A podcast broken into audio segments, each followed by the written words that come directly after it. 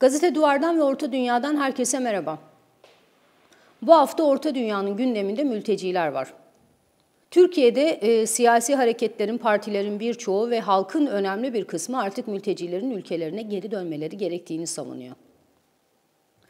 Ancak mülteciler e, neden bu kadar hedef olduğu, neden bu kadar istenmeyen kitle olduğu, mülteciler açısından durum ne ve özellikle Suriyeli mülteciler gündemde olduğu için Şam bu işe ne diyor boyutlarıyla meseleyi değerlendirmek gerekiyor. Mülteciler Türkiye'nin gündemine aslında siyasi bir mesele olarak, siyasi bir e, söylemle girmişti. Hatırlayacak olursak o 2011'in başlarına dönecek olursak dini ve e, mezhebi söylemlerle e, oldukça vurgulu bir mülteci gündemimiz söz konusuydu ve e, Türkiye açık kapı politikası uyguladı. O dönemde ağırlıklı olarak Suriye'den olmak üzere Irak'tan ve hatta daha e, Taliban henüz Afganistan'ı ele geçirmemiş olmasına rağmen Afganistan gibi ülkelerden de Türkiye'ye çok sayıda mülteci gelmeye başlamıştı 2011 başlarında. Ancak devam eden yıllarda da mülteciler hem seçim meydanlarında insanları coşturan bir e, koz haline döndü. Daha sonra Avrupa Birliği ile çeşitli pazarlıkların kozu oldu. Hatta sınırların e, kısmi olarak ya da geçici olarak kısa süreli açıldığını da biliyoruz Avrupa'ya ders vermek üzere. E, bugünlerde tabii gün değişti, işte şartlar değişti. E, en nihayetinde 2022 yılında tekrar mültecileri konuşuyoruz. Ancak bu defa aynı mülteciler, aynı meseleler seçim söylentilerinin olduğu bugünlerde bir kez daha kitleleri coşturan bir söylemin e, parçası ya da aracı haline geldiler. Ancak bu defa mülteciler gitsin söylemleri e, ya da işte göndereceğiz, hayır göndermeyeceğiz, onurlu bir gidiş sağlayacağız, hayır onları koruyacağız, isteyen sadece gidebilir şeklinde aslında birbiriyle çelişen bir takım açıklamalarla birlikte bir kere daha mülteciler gündemimize gelmiş oldu.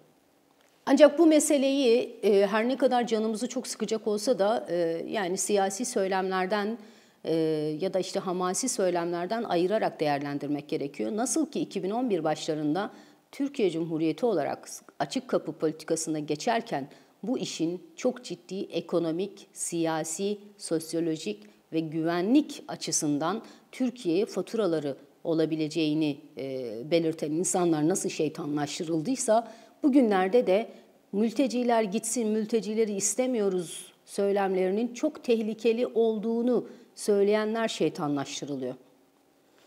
Ancak aklı selim davranmak gerekiyor ve e, meseleye e, biraz daha rasyonel sebepler üzerinden ya da gerçekler üzerinden yaklaşmak daha doğru olur diye düşünüyorum.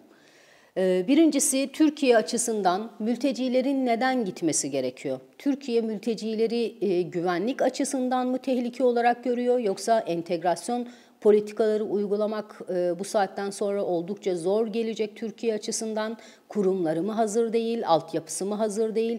Yoksa ekonomik kriz giderek derinleş, e, e ekonomik krizin Türkiye'de giderek derinleştiği bu günlerde kitlesel öfkenin bir yere kanalize edilmesi mi gerekiyor? Bu sadece Türkiye açısından değil, dünyanın birçok ülkesinde mesela Beyrut'ta yaşadığım dönemlerde Lübnan'da da çok sık yaşanırdı. Ülkede herhangi bir kriz olduğu zaman ekonomik kriz mi var? Mülteciler geldi o nedenle böyle oldu. Kiralar mı yükseldi? Mülteciler geldi, göçmenler geldi bu nedenle öyle oldu. Halbuki ev sahipleri yükseltiyor kiraları. E, işsizlik oranları mı yükseldi? Göçmenler, sığınmacılar geldi, işimizi elimizden aldı. Aslında hesabın orada işverene sorulması gerekiyor, göçmene değil.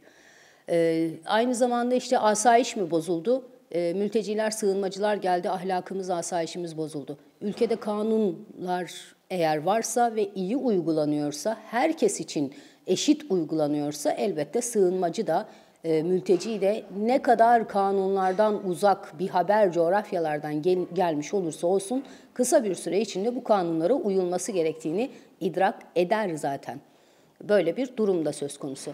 Bu nedenle Türkiye'nin mülteciler gitsin söylemlerini e, çok sık hani dile getirdiği bu günlerde açıkçası ciddi bir kafa karışıklığı da var.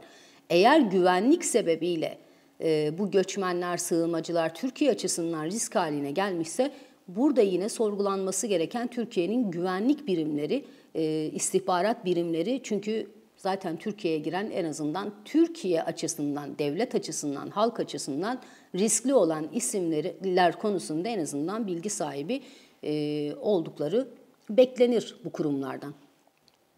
E, diğer taraftan hani e, bütün bu tartışmaların diğer tarafında da mülteciler, göçmenler var. Şimdi herkesin ya da bu programı dinleyenlerin en azından oldukça canını sıkacak bir takım şeyler söyleyeceğim ancak mülteciler açısından bakıldığında mültecilerin, göçmenlerin, sığınmacıların çok büyük bir kısmı geri dönmeyecekler. Çünkü birincisi Türkiye'de doğan çok ciddi bir nesil var, büyük bir kitle var. Bunların e, tamamı Türkiye'de okula başladılar, hala eğitime devam ediyorlar e, ve Türkiye'deki kültüre, yaşam standartlarına, insan ilişkilerine her türlü e, hani günlük hayattaki rutinlerini Türkiye'deki kültüre, anlayışa göre şekillendirdiler. Aslında Suriye toplumuna ya da Suriye coğrafyasına yabancı kitlelerden bahsediyoruz burada ve hatırı sayılır çok büyük bir kitle bu. İkincisi e, yine çocuğu olan okula gönde okula giden çocuğu olan daha doğrusu ailelerin de birdenbire Türkiye'deki standartları çoluk çocuğu toplayıp her şeyi Suriye'ye Şam'a dönmesi beklenemez açıkçası. Bu hiç kolay bir karar değil. Bir diğer nokta dil meselesi. E, bunu açıkçası söylediğim zaman insanlar hani garipsiyorlar ancak e, Araplar açısından Arap dünyasında iki tane dil var. Birincisi Ammiye denilen sokak dili. Yani Türkiye'de doğan çocuklar da anneleri babalarıyla konuşuyorlarsa, eğer Arapça konuşuyorlarsa Ammice'yi konuşuyorlar. Ancak Ammice resmi Arapça değil. Dolayısıyla Arapların da e, eğitim dili Fusha denilen resmi Arapça ve Türkiye'de doğan kitle, gençler, çocuklar daha doğrusu e, bu dile vakıf değiller önemli ölçüde. Yani söyleyecek, şöyle söylenebilir, Türkiye'de ilkokul 5'e işte ya da ortaokula giden bir çocuk eğer Suriye'ye, Şam'a dönerse e, resmi Arapçayı bilmediği için ilkokul birden okula başlaması gerekecek. Böyle farklar da söz konusu. E, bir başka nokta kültür meselesi buna ayrıca değinmek gerekiyor çünkü özellikle Türkiye'de e, doğan ya da Türkiye'de işte ergenliğini ya da gençliğini yaşayan kitle açısından e, Suriye'nin muhafazakar yapısı oldukça e, sıkıntılı olabilir. Dolayısıyla sadece hani kendi aralarındaki ilişkiler, gençler arasındaki ilişkiler, bağlar, işte ne bileyim kız arkadaş edinme, erkek arkadaş edinme Buna yani işte dışarıda çıkıp dolaşma, sosyalleşme adına yapılan faaliyetler vesaire bu açılardan bakıldığı zaman bu kitle de yani gençler en azından kesinlikle dönmek istemeyeceklerdir ve bu çocukların, ergenlerin ya da gençlerin anne babaları da çocukları sebebiyle dönmeyi istemeyeceklerdir. Aynı zamanda Suriye'den gelip de işte burada e, hani restoran açan, otel açan, işletme sahibi olan ya da bir şekilde hani düzen kuran insanlar açısından da Yine bu düzeni bozup Suriye'ye gitmek hiç kolay değil. Neden? Çünkü Suriye'de çok derin bir ekonomik kriz var. Ve açıkçası bir kısmını şahsen tanıdığım insanlar savaş dönem, döneminde bile mesela Şam'ı Beyrut'u terk etmediler. Savaş bitti. Büyük ölçüde silahlar sustu. Ancak korkunç bir ekonomik kriz ve belirsizlik söz konusu olduğu için bu insanlar şimdilerde ülkeden çıkmanın yollarını arıyorlar. Böyle bir durum da söz konusu.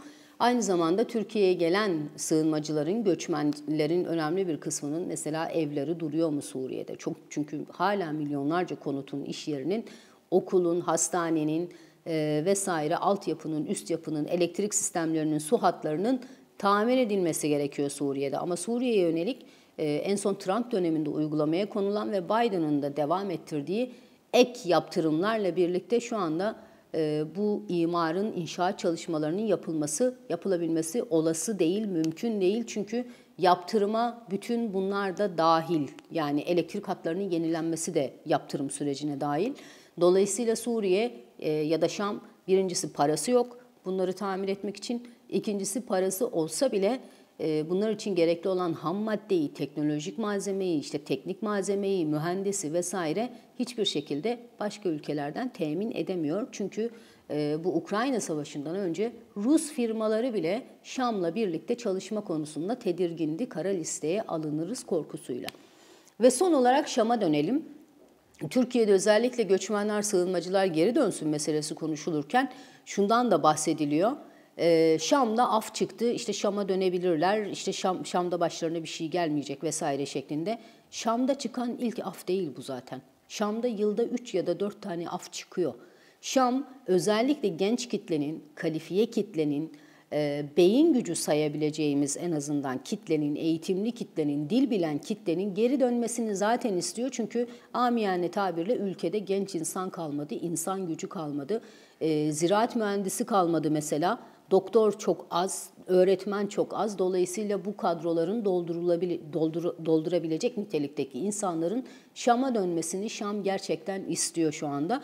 Ama aynı zamanda e, Türkiye'de ya da işte dünyanın başka ülkelerinde yaşayan sığınmacılar, göçmenlerin daha doğrusu Suriye içindeki ailelerine, yakınlarına gönderdikleri paralar da en azından şu anda Şam açısından ekonominin önemli kalemlerinden biri.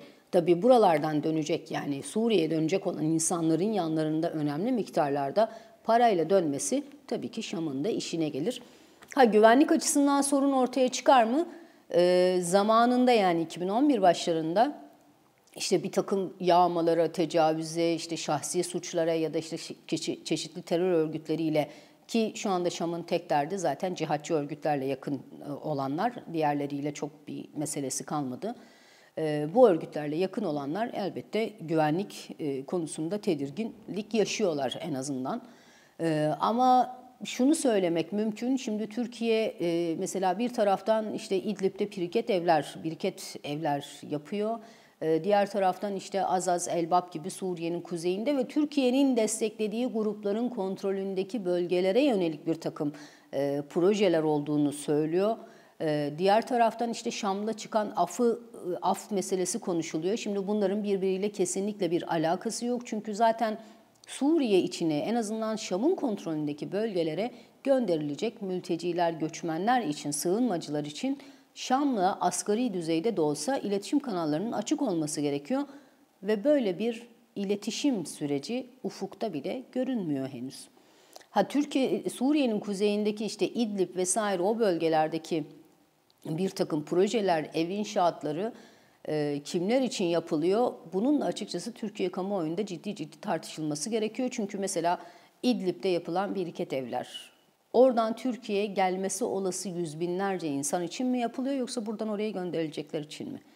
E, aynı zamanda Suriye'nin kuzeyinde Türkiye'nin kontrolündeki, e, daha doğrusu Türkiye'nin desteklediği grupların kontrolündeki bölgelere kimler gidecekler? Çünkü oralar zaten birilerinin tapulu, malı, mülkü, evi, arsası, arazisi. Ha Türkiye desteklediği silahlı grupların ailelerini o e, hatta kuşağa yerleştirme niyetindeyse eğer bu zaten Şam'la mülteci meselesinin çok ötesinde yeni sorunlar demek.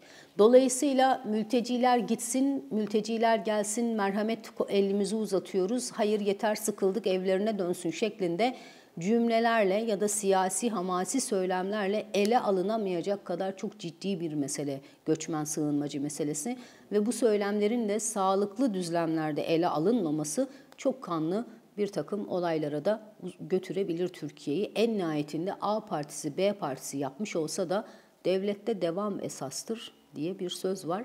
Sonuçta Türkiye Cumhuriyeti sınırları kapılarını açtı o sığınmacılara, göçmenlere. Bunu da unutmamak gerekiyor. Evet, Gazete Duvar'dan ve Orta Dünya'dan bu hafta bu kadar. Gelecek hafta görüşmek üzere.